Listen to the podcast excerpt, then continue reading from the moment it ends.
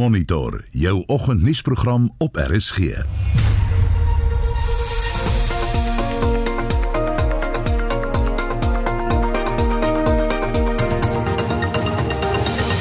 En ons program, die spreker van die parlement sê die Helen Suzman Stichting klag dat die parlement nie nodige wetgewing het om die staat se COVID-19 reaksie te kontroleer nie, is 'n feite en 'n regsfout. Uitspraak in die hofsaak is voorbehou. That goal cannot be achieved by the minister in exercising the regulatory powers that she has been afforded under the DMA. because there's no duty of public consultation.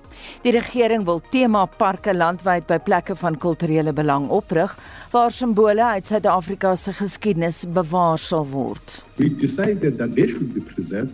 They should not be thrown into the dustbin of history. Our own experience shows us that if you opt for that route of dumping them, people are going to demand them.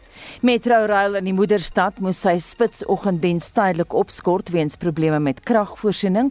Ons kry die jongste hieroor en Agri SA verwelkom die hoë vlak aandag wat plaasaanvalle tans geniet. Goeiemôre, baie welkom by Monitor. My naam is Anita Visser.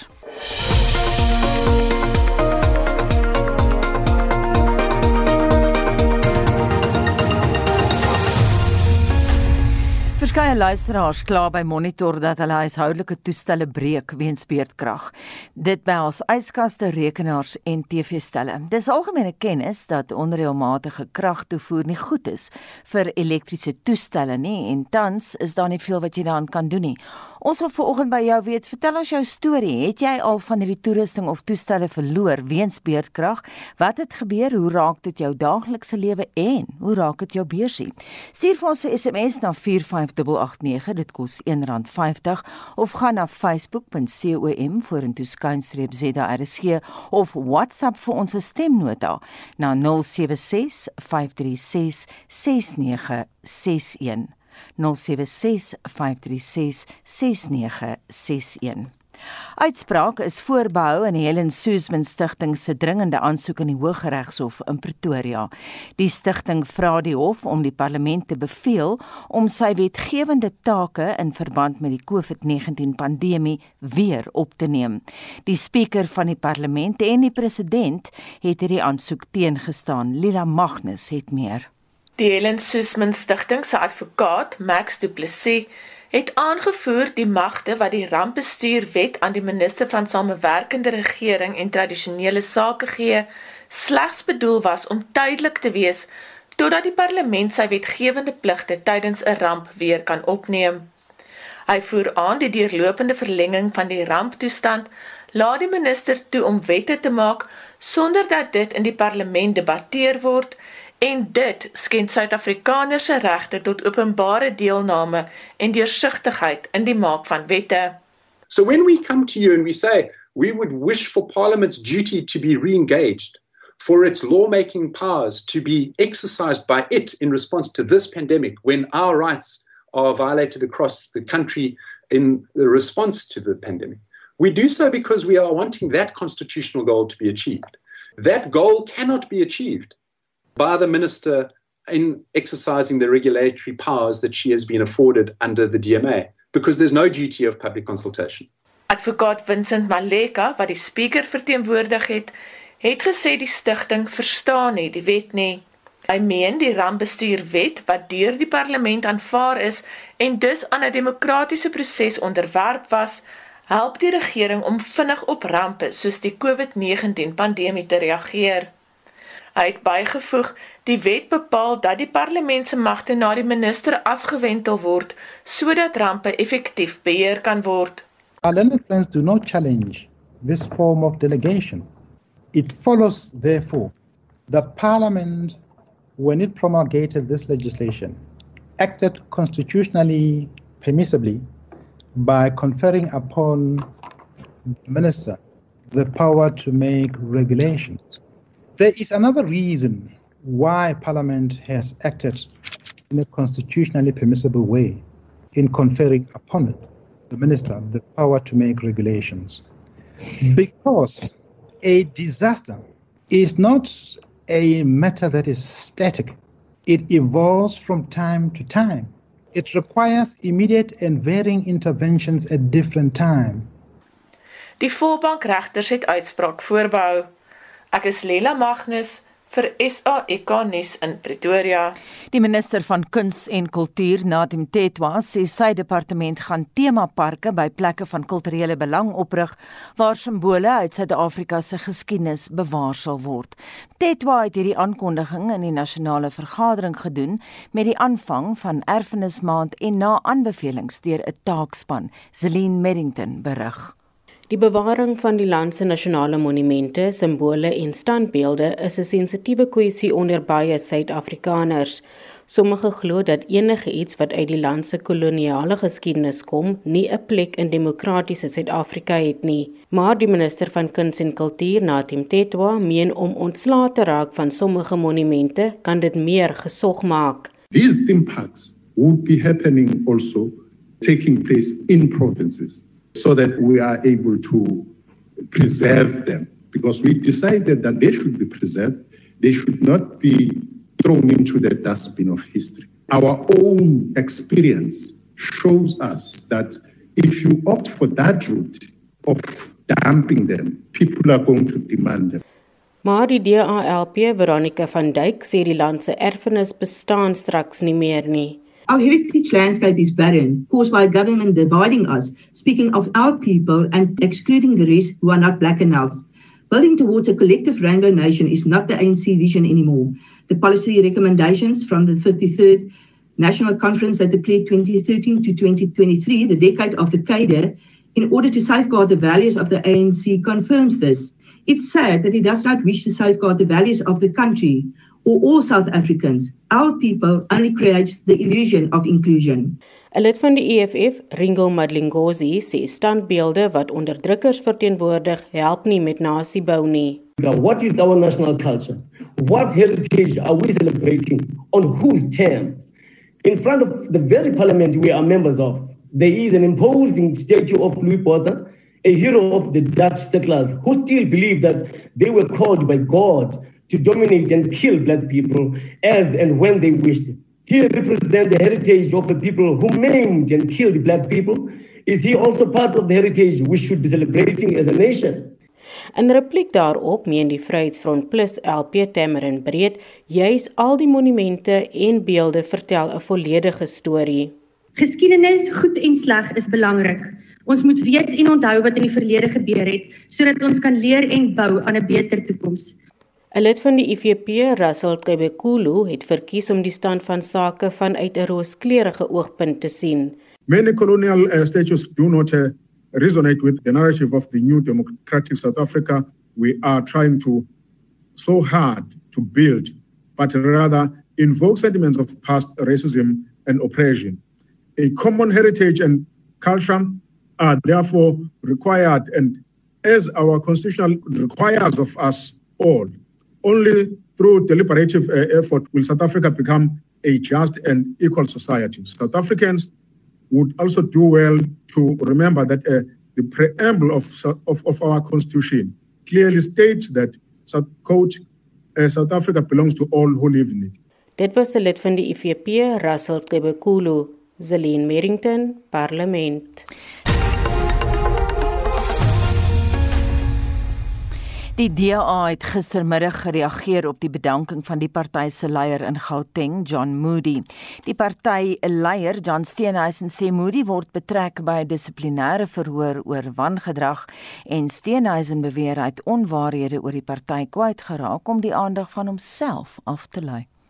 It's very clear that Mr Moody has sought to deflect attention from himself by defaming erstwhile colleagues, playing the race card and seeking to inflict as much damage on the party as he possibly could on his way out the door by spreading these myth, truth, and rumors. So we wish to deal with the facts today.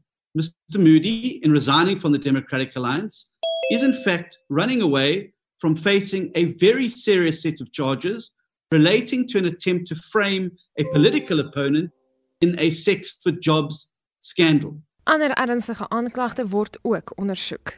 Is also allegedly involved attempting to bribe two young and vulnerable first time councillors into giving false evidence. Mr. Moody was also to face a charge that he was involved in offering these councillors promotions on the candidates list for the 2021 elections if they cooperated in making false statements to smear the senior politicians involved.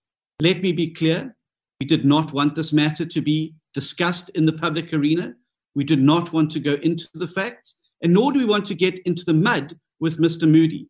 However, we cannot allow a false set of circumstances to prevail and for lies to allow be allowed to settle that then eventually become the facts. Hy sê die saak teen Moody is die ernstigste om voor die DEA federale regskommissie te verskyn en sou binnekort begin. Hy ontken ook beweringe van 'n heksejag op sekere lede van die party omdat die kommissie apart van die leierskap funksioneer. Hy beklemtoon dat die party niks het om weg te steek nie.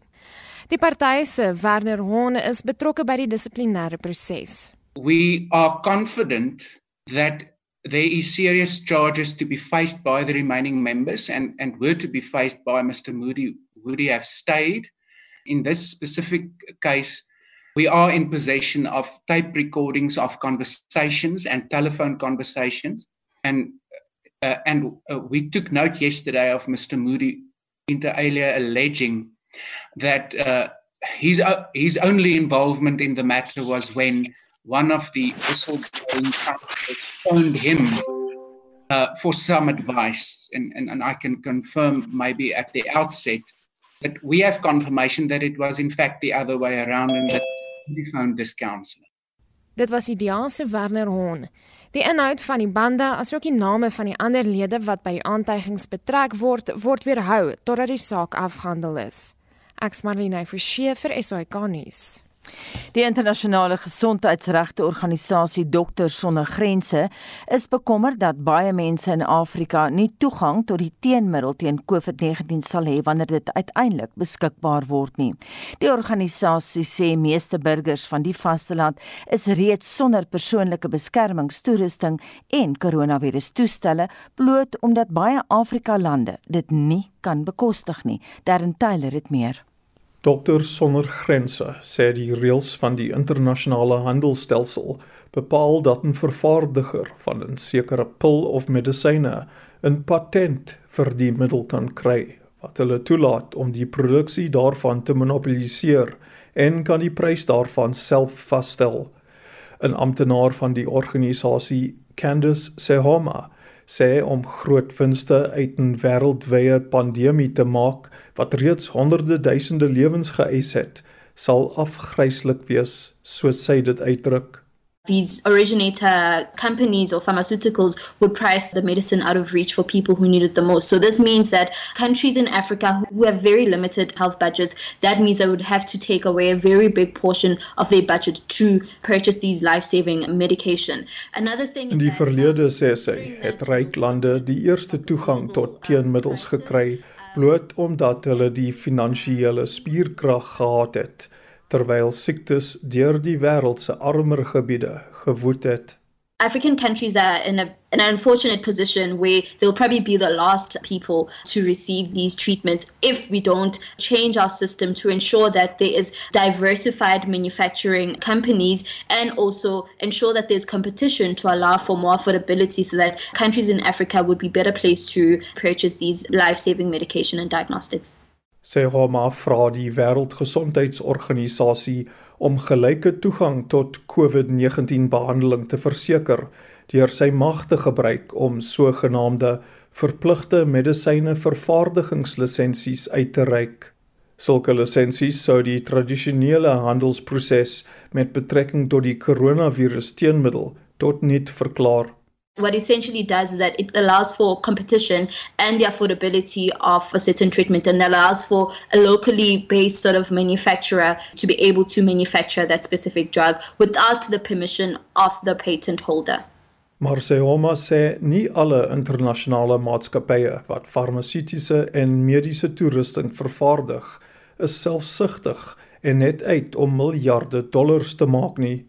Suid-Afrika byvoorbeeld vervaardig nou sy eie ventilators met die hulp van 'n paar firmas wat morele waardes voor geld plaas, soos sy dit stel. To be able to produce our own ventilators, certain companies or originator companies needed to sort of share their recipes to allow for South Africa to be able to produce. So I think that's the kind of solidarity that we need. That in as much as countries have limited production capacities, but what they can do is share recipes and know-how, knowledge on how to produce such to allow for countries to be able to locally produce on their own.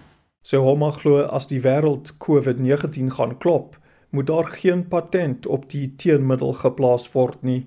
We need to also just move away from commodifying access to healthcare and ensure that for us to really combat COVID 19, we would need to come together. And one of the ways we need to come together is to ensure that everyone has equitable access to these life saving treatment or vaccines. And that would Sy sê dis in die wêreld se belang om te verseker dat dit wel gebeur.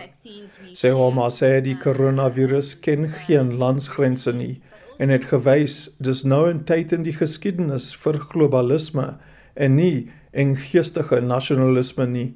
We do need each other in this case, and I think COVID 19 actually is making that more and more apparent. And we're so connected with each other. And I think if we just focus on our own and don't ensure that others stand to benefit from this, there won't be an end to this. Sy wil hê die Afrika Unie moet meer kragtig optree in die stryd vir gelyke toegang tot COVID-19 behandeling en toerusting. Ek is Darren Taylor in Johannesburg. Jy luister na Monitor elke weekoggend tussen 6 en 8. Half 7 in die nuus Suid-Afrika se COVID-19 herstelkoers staan op byna 90%. Eskom pas vandag fase 3 beurtkrag toe en in Monitor Agri SA verwelkom die hoë vlak aandag op plaasmoorde, maar sê die uiteindelike toets sal wees of daar daadwerklik opgetree gaan word om die gemeenskap se veiligheid te verbeter. In die Klein Karoo beleef boere hulle 5de agtereenvolgende jaar van droogte. Ons hoor hoe hulle oorleef onder hierdie moeilike omstandighede. Bly by ons. Daar is geen verkeer. In die Wes-Kaap Parklets is die plat gesluit weens padwerk tussen Sandownweg en die Checkers verkeerssirkel. Nog padwerk in Athlone by Turfwolweg. Daarom word die verkeer beperk tussen Jan Smitsweg en die spoorweglyn. Jy kan vertragings hier verwag. Ook by Danoon op die N7 tussen Plattekloofweg en die Malibongwe Rylaan afrit. By tye is daar slegs een baan van die hoofweg wat hier oop is.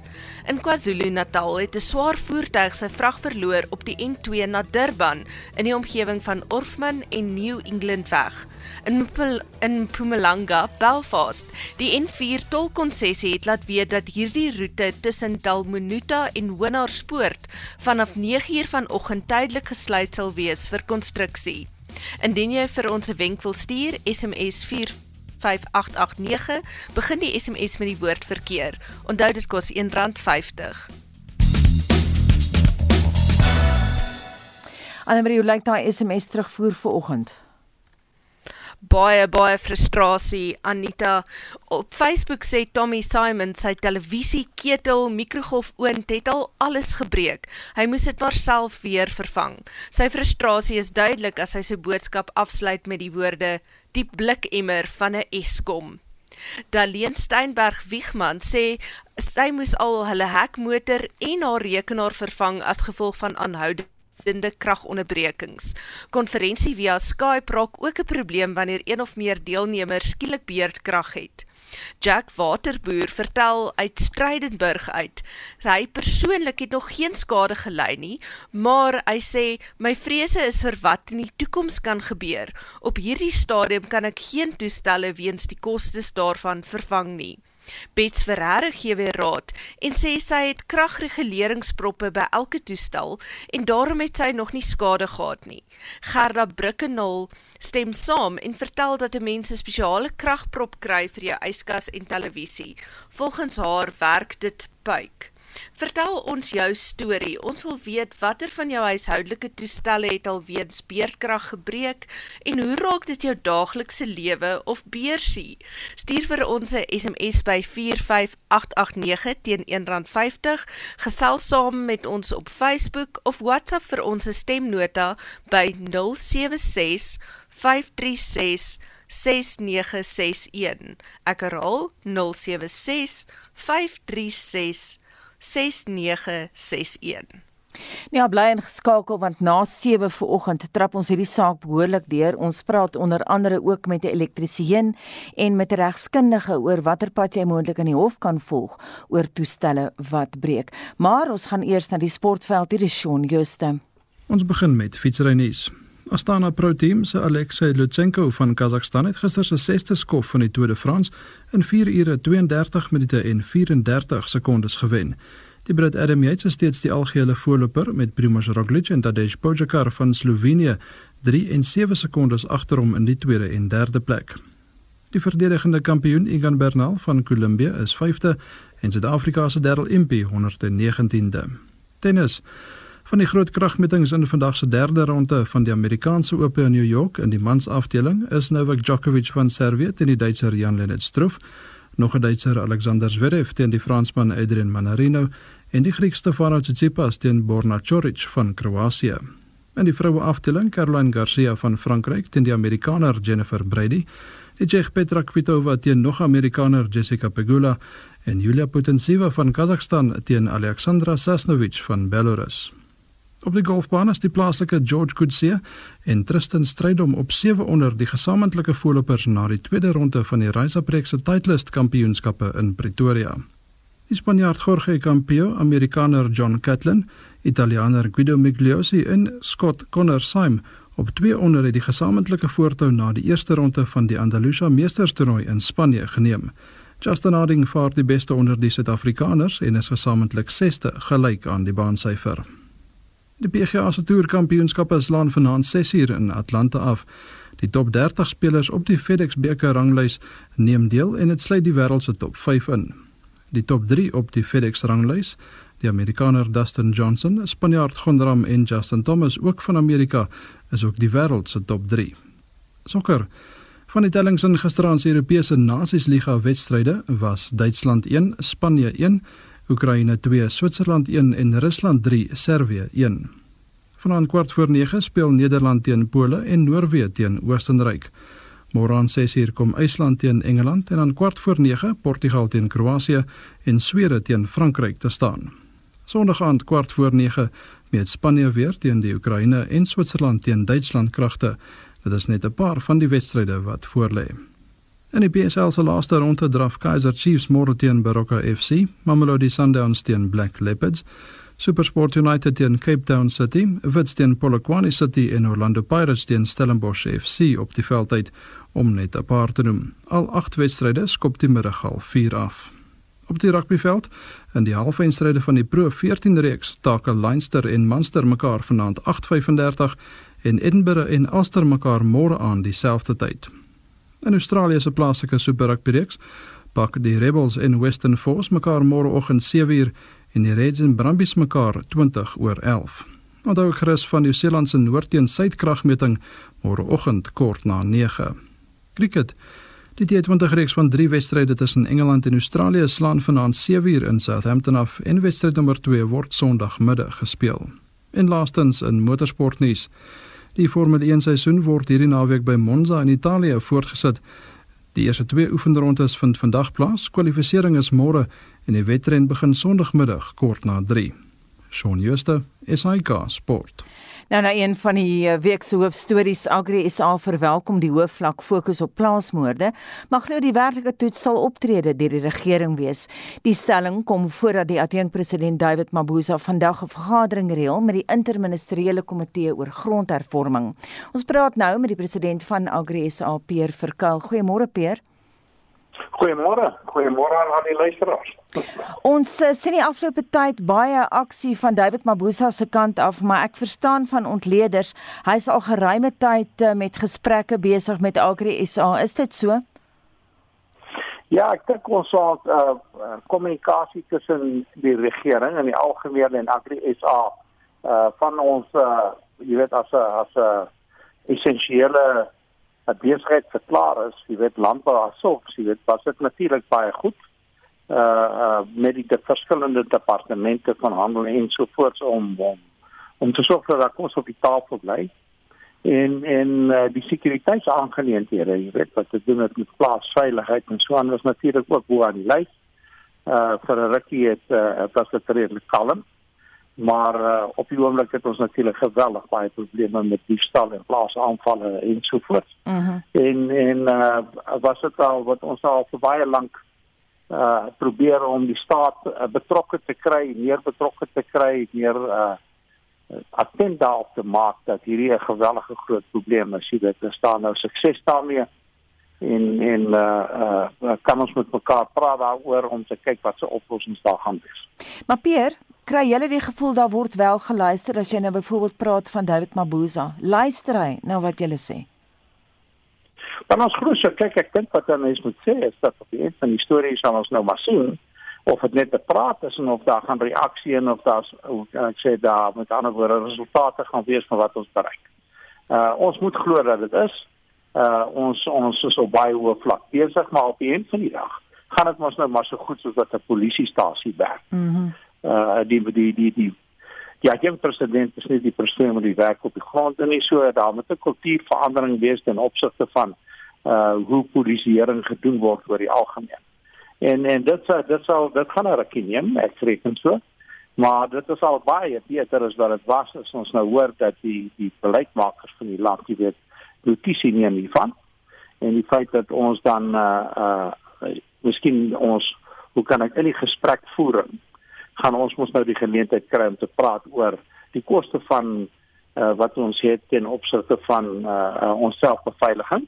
Jy weet dit is van radio's en kameras en al die soort van goeder wat ons moet hê die wering en uh wat baie meer omvang uh, omvanklik is as dit vergelyk word met wat in 'n stad gebeur. Mm -hmm. Boere se blootstelling, boere se blootstelling is mos nou uh wat hulle ver van mekaar af woon. Boere se blootstelling baie groter hier. Pier op 'n praktiese vlak, wat wil julle hê? Jy verwys nou na die polisieering. Hoe moet dit verander? Wel, ja, eerste plek uh, die samewerking tussen polisie en en en en plaaslike landbouverenigings, jy weet, sowel as dit moet met natuurlik op 'n baie hoër vlak wees soos wat dit is. Ons sal graag voorsien dat uh, jy weet die samewerking van ons kant af is is is aangebied om saam te werk, jy weet. Ons sal graag ook voorsien dat die beleid rondom die opleiding van reserviste uh verbeter, jy weet, en meer uh, toeganklik gemaak word. En dan sal ons natuurlik voorsien dat indien uh, so iets gebeur soos 'n plaasaanval dat eh uh, die die die aanvaller as hulle gearresteer word nie nie borgtog kan kry nie. En eh uh, verder sal ons voorsien dat die fondse se swaarder is vir sulke vir sulke soort van wandade. Eh uh, jy weet eh uh, uh, ons gaan net mense, ons gaan net eh uh, eh uh, hierdie saak wen as as as daar as daar baie spring opgetree word. En dan jy moet onthou dit gaan nie net dit gaan nie net oor boere nie, dit gaan oor boere, hulle plaaswerkers, almal wat op plase woon. Mm. Dit is nie 'n hier is nie 'n besigheid wat net insluit die, die eienaar van die plaas nie. Dit eh uh, die die die werknemers op plase almal is blootgestel hier aan en dit gebeur met almal. Mm so ehm uh, dit is dit is dit regtig 'n groot probleem hoor. Maar ja. ons is 'n stapie vorentoe. Ons glo ons is definitief 'n stapie vorentoe. Jy weet? Mm. Uh ons moet nou net die praktiese implementering regkry. Pier, ek neem aan dis 'n punt wat jy herhaaldelik maak aan die regering, die feit dit gaan nie net hier oor die plaas eienaars net gaan oor die werkers ook. Dit gaan oor almal, ja. Natuurlik ja. Uh jy weet uh, uh werkloosheid en en en wat daarmee gepaard gaan. Uh jy weet ons as as landbouers, uh die regering verwag ons om 'n miljoen ekstra werk werkgeleenthede te skep. Ons is uh, op die oomblik in 'n land waar waar werk skaars is. Jy weet daar's geweldig baie werklose mense. As daar werklose mense is, is daar ook armoede. Mm. Armoede en en en moontlike voedseltekorte, jy weet. Ja. Uh, wat ook ter sake is, jy weet en en dit dit al hierdie goede bydra dra by tot kriminaliteit. Pier net laasens en en baie kortliks asseblief, wat is nou die volgende stap? Wanneer praat julle weer met die regering? Dan ons is in konstante gesprek uh, met die regering. Uh, jy weet dat dat uh, uh as daar werk uitgedeel word uh in, in die georganiseerde landboustruktuur, met rondom verslae uh uh die toepassing van wetgewing ensovoorts moet daar mos nou natuurlik ook terugvoering gegee word in opsigte van hoe suksesvol ons is. Nou, ons sal ons, ons sal ons gaan natuurlik uh, baie hoe kan ek sê suggesties aan die regering maak ten opsigte van wat ons behoort te doen, hoe dit behoort te werk en so voort en dan sal ons graag wil sien dat ons die praktiese implementering kan kan moniteer. Baie dankie en Susie Peer Verkuil, hy is president van Agri SA. Dis nou kwart voor 7 en ons bly by landbou. In die Klein Karoo beleef boere hulle 5de agtereenvolgende jaar van droogte. Boonop het 2020 COVID-19 meegebring dat hulle ekonomiese omstandighede verder vnuik, soos wat Theo de Jager, president van die Wêreld Landbouorganisasie en voorsitter van SAI, gister aan Monitor verduidelik het. Hierdie boere sit in hulle 5de agtereenvolgende jaar van droogte. Die Kamanasi dam waar hulle besproeiing kom, staan op 0%. Daai damvloer is een stuk droë sluk. Daar is niks aan 'n volstrys wat nie negatief geïmpakteer is deur COVID nie. Daar's drie produkte wat van 'n volstrys afkom. Dit is die leer. Dit is van die duurste en mees eksotiese leersoorte in die wêreld. Mense koop dit net in groeiende ekonomieë. COVID het gemaak dat die ekonomie nêrens gegroei het nie. Die ander produk is die vleis wat in restaurante bedien word. En die restaurante was nou vir 20 weke toe. Hulle kan dit ook nie uitvoer nie. Die ander produk is die vere wat gaan na die wêreld se groot karnavalle in Rio, die Stockholm Waterfees en dit het nie hierdie jaar plaasgevind nie. So dis die perfekte storm wat hierdie 150 jaar ou bedryf Oudtshoorn getref het. Theo, jy was nou 'n paar dae op Oudtshoorn. Jy het met die boere daar gekonsulteer en gepraat. Sou mense 'n plan van aksie kon hê gegee hierdie omstandighede? Ons sal allereers moet voer in hierdie gebied inbring sodat die volstruise kan oorleef. Die eerste trokke behoort so oor 2 weke al hier in te kom van ons kant af. Daar's 'n hele paar ander organisasies wat ook ingespring het en ook voer aanry hierheen. Want dit is om 'n pleistertjie op die kanker te plak. Daar's baie dieper liggende probleme wat opgelos moet word. Die heel belangrikste en die heel volhoubaarste is dat ons moet daai mark weer stimuleer. Ons oproep tot aksie aan Suid-Afrika is kom kuier in Oudtshoorn. Hier staan gaste huise leeg hier is 'n ruim geleentheid om lekker te kom kuier in die klein Karoo. Koop van daardie volstrysvleis. As jy op Saterdag aand wil braai, braai 'n slag 'n volstrysfilet, maak 'n slag 'n potjie daarvan. Dit is heerlike vleis en dit is so uniek in Suid-Afrika soos wat min ander dinge is. Dis net ons wat met hierdie goed boer. En dit deel van ons kultuurhistoriese erfenis, nee, die argitektuur rondom die volstryse, die, die volstryspaleise en die domestikering van hierdie voëls en hoe die gene ontwikkel is om die kwaliteit van vere en van velle uit te kry wat vir die modehuise te asem kan laat wegslaan. Dit is alles deel van 'n absolute unieke erfenis. Jy het nou gesê daar is organisasies wat nou die boere help op oudsoring. Is daar van boere elders in Suid-Afrika ook hulp wat inkom? Ja, daar het veral boereverenigings in die gebiede wat nou reën gekry het en waar dit goed gaan, daar's veral uit die graanbedryf waar ons vir jare baie goeie oes gehad het, wat gesê het, sommige het gesê ons stuur vir julle mielies. Daar is ander wat gesê het ons kan dit nie vir julle gratis stuur nie, maar ons stuur dit vir julle teen die, die basisprys wat die boere op die plaas sou kry. Boere elders het hulle harte oopgemaak vir die volstrysboere en ons is baie dankbaar daaroor. Sê vir my, moes uh, Oudtshoorn se ekonomie nie oor die jare dalk meer gediversifiseer geword het nie? Dit is 'n baie droë area hier, nee. Die klein Karoo is nog Karoo. Daar is nie so baie wat mense hier sou kon doen nie. Hierdie plek het ryk geword uit volstrysvere aanvanklik. Hier in die heel vroeë 1900 selfs van die einde van die 1800s af al en dit hulle toerisme omarm. En die gastehuise op plaas hier is regtig iets om te beleef. En toe kom die die Klein Karoo Kunstefees wat 'n geweldige inspuiting vir hierdie dorp was, maar wat ook vanjaar nie plaasgevind het nie. Mm. Trouwens hy's afgestel 'n week voordat hy moes gebeur. En almal het al die uitgawes aangegaan om hierdie massas toeriste te ontvang. Hulle het net nooit weer die inkomste daaruit gekry nie. Die ons het nou vroeër die week op Monitor gepraat oor Suid-Afrika se werkloosheidssyfer wat Mike Schuessler voorspel 53% gaan wees. Hoe lyk die werkloosheid op Oudtshoorn? Dis 'n hartseer saak, veral as gevolg van die gasvryheidsbedryf wat baie arbeidsintensief is. Ons het gister met 'n boer gepraat wat 'n stuk of 30 mense gehad het net in die, die gastehuis en sy geleentheidsorganiseringsarea en hy moes almal wat gaan want alles is nou toe. Hy kan ook nie raak oop maak net vir een gas wat in 'n week gaan inkom nie. Mm. En 'n mens sien dit as jy deur die dorp ry. Daar is winkels wat toe is. Mense, mense staan langs die pad, kinders staan langs die pad in bedel. Die ekonomie het 'n baie harde hou gevat en selfs as dit nou goed sou kom reën, dit reën nie gras in Lucerne nie. Dit reën ook nie geld nie. Dit gaan 'n tydjie vat voordat ons hierdie ekonomie weer goed in die gang kan kry. En daarom dat ons hierdie spesiale poging loods kom sit hand by gaan soveel makliker as dit nie net van die mense van Oudtshoorn afhang nie, maar as daar mense kom kuier en weer geld in hierdie omgewing laat draai. Is daar van die boere wat na geslagte nou van die plaas afgedwing word? Ja, ons dit is een van die uniekere hier van Oudtshoorn. Mense kry hierdie volstrys families nê. Nee. Dis dieselfde vanne wat mm. jy op die bordjies skryf op buite die, die plaashekke hang wat regtig nou al geslagte aankom. Hierdie bedryf is letterlik nou al in sy 6de, 7de geslag. En nou kom hulle op 'n punt waar dit net eenvoudig in terme van die kontantvloei en die skuld by die bank nie moontlik is om aan te gaan nie. So on, ons kyk baie ernstig na 'n meganisme, 'n tipe van 'n langer termyn lae rentekoers lening om 'n brug oor Covid te bou. Nie net vir hierdie volstrysboere nie, die wynboere sit baie in dieselfde posisie. Die tabakboere is in so 'n krisis gedompel. Elke wildboer is vanjaar in die moeilikheid omdat die buitelandse jagters nie gekom het nie. So in die brede het landbou in Suid-Afrika nou so geduldige simpatieke kapitaalbrug nodig om by COVID verby te kom. En sou die banke daai rol kon speel, is hulle gewillig?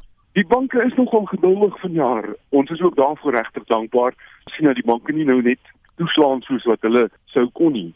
Maar ons het 'n bietjie meer nodig as net daardie geduldigheid agter 'n toeteer. Ons sal moet gaan sit en planne maak. Hoe kan ons maak om te verseker dat die boere nie dalk nou oor die kort termyn 'n bietjie verligting kry maar oor die langer termyn gaan sink?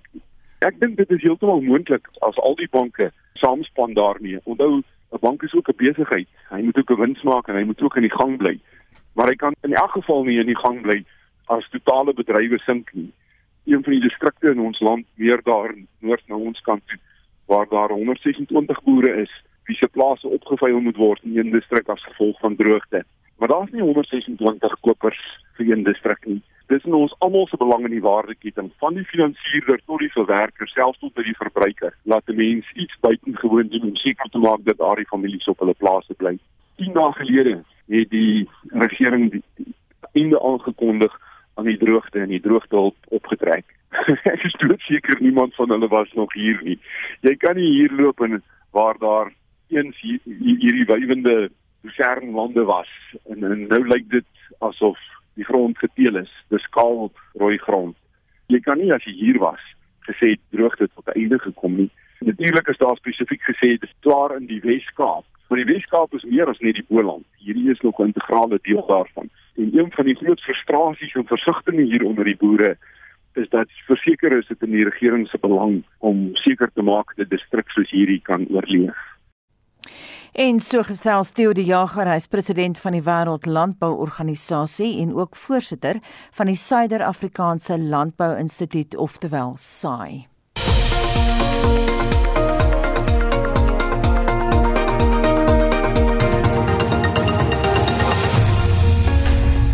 Internasionale nuus: Die Trump-administrasie het sanksies ingestel teen twee hooggeplaaste aanklaers van die internasionale geregshof in Den Haag.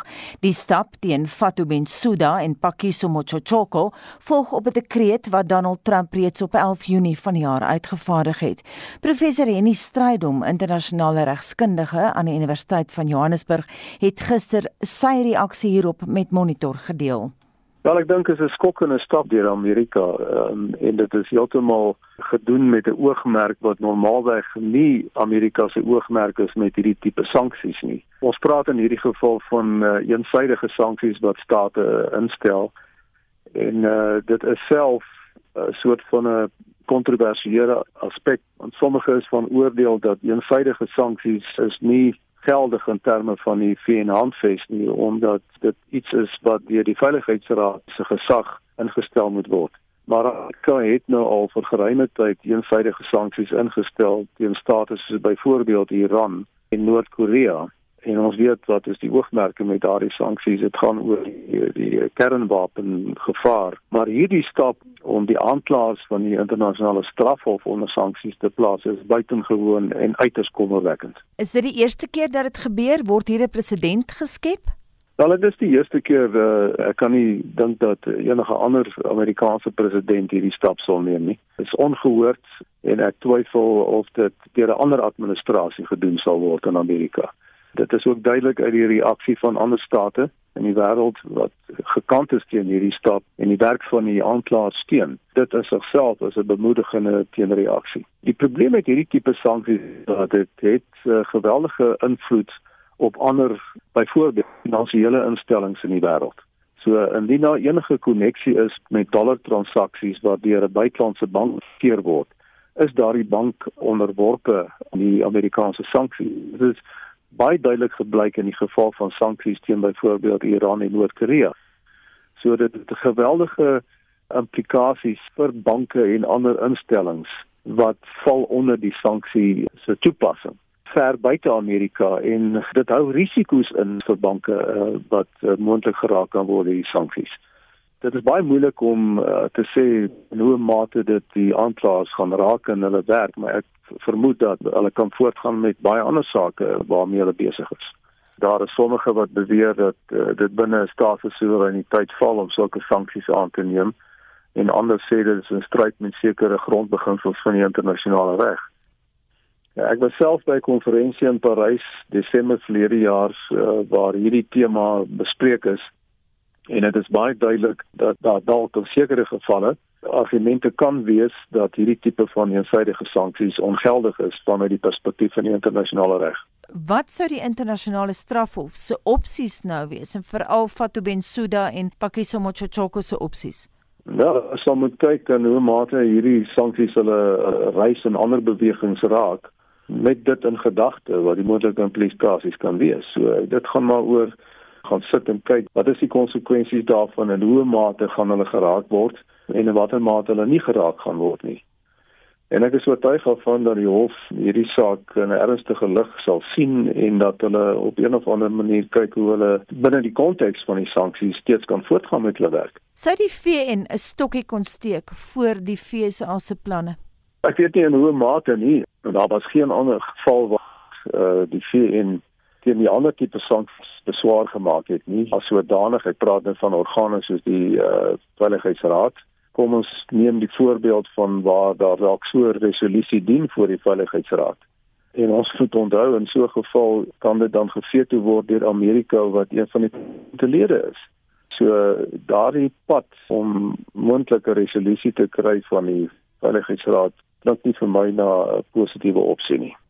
Dit dan die mening van professor Henny Strydom, internasionale regskundige aan die Universiteit van Johannesburg, Anne Marie. Goeiemôre, dit is Natalie van Forest Hill Johannesburg.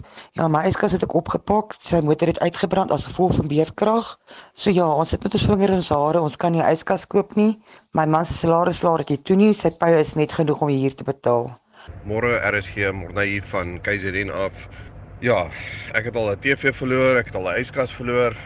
Die skade is net massief en uh, dit is altyd in die middel van die maand wanneer jy net nie daai ekstra sente het nie. So uh, ja, ek dink hierdie manne besef so lekker wat aangaan nie. Goeiemôre van 'n baie donker maagheid. Weet jy hoekom nie beerkrag nie as gevolg van kabeldiefstal tydens beerkrag? Elke keer as daar buurtwag is word kabels gesteel en word groot dele sonder krag gelaat. En Eskom maak dit miskien reg na 'n week en dan word die mense besteel, daar word ingebreek want daar's nie krag nie. En ons vleis word vrot. Niemand betaal ons uit nie. Ons weet nie of ons kan eise insit nie. Dis net te vreeslik. Ja, ons het wel antwoorde op van daai vrae bly ingeskakel vir 'n onderhoud met Birgitte Kuske van die Universiteit van Pretoria wat vir jou gaan vertel wat jy kan doen of jy kan eis of nie. En ons praat ook met 'n elektriesien oor uh, wat jy kan doen om van jou toestelle, jou elektroniese toerusting tuis te beskerm. Intussen laat vir ons weet hoeveel hierdie hele hierdie jou kos en wat beerdkrag jou kos in terme van die verlies in elektroniese toestelle. Dit bring ons by 7 uur. SAK nuus. Onafhanklik, onpartydig.